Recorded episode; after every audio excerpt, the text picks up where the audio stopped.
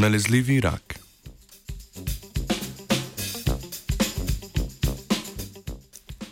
Rak je bolezen številnih obrazov in razvojnih procesov. Nastane serijo zaporednih mutacij v eni celici, ki tako pridobi nesmrtnost in se začne neustavljivo deliti. Tumor torej zraste v telesu iz ene od celic, ki se tam že nahajajo in se načeloma ne prenaša iz enega telesa v drugega. V reviji eLife so v začetku meseca objavili raziskavo o vrsti raka, ki je nalezljiv in lahko potuje iz ene vrste školk v drugo. Rakave celice so se torej osvobodile telesa, v katerem so nastale, in pridobile sposobnost, da kot virusi in bakterije naselijo druga telesa.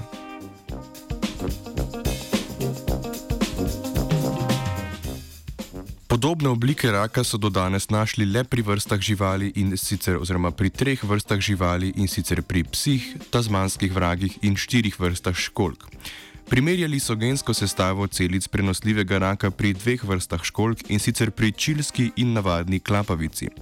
Čilske klapavice živijo ob obali Čila in Falklandskih otokov, medtem ko navadne klapavice najdemo ob obalah celega sveta, tokrat pa so se osredotočili na populacijo ob obali Francije.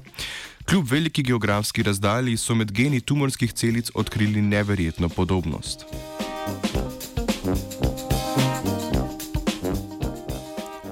V raziskavi na podlagi sorodnih genov sklepajo, da imajo rakave celice obeh geografsko ločenih populacij enakega skupnega prednika. Ta je nastal pri pacifiški vrsti klapavic z latinskim imenom Mitilus trosulus. Pri tej vrsti je bil v Kanadi tudi prvič opažen, kljub temu pa gre plačilski in navadni klapavici za samostojno obliko raka, ki ni identična predniški. Tako so torej pokazali, da se je prenosljivi rak prenašal preko Atlantskega in Tihega oceana ter na poti od gostitelja do gostitelja tudi mutiral in se pod vplivom selekcijskih protiskov spreminjal.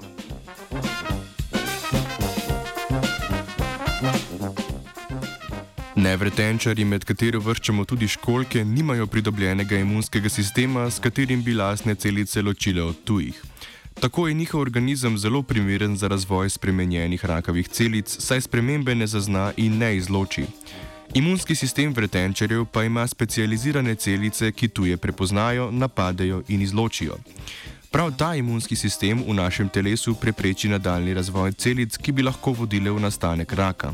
Zato tudi rakave celice klapavic, glede na dosedanje raziskave, niso nevarne za človeka.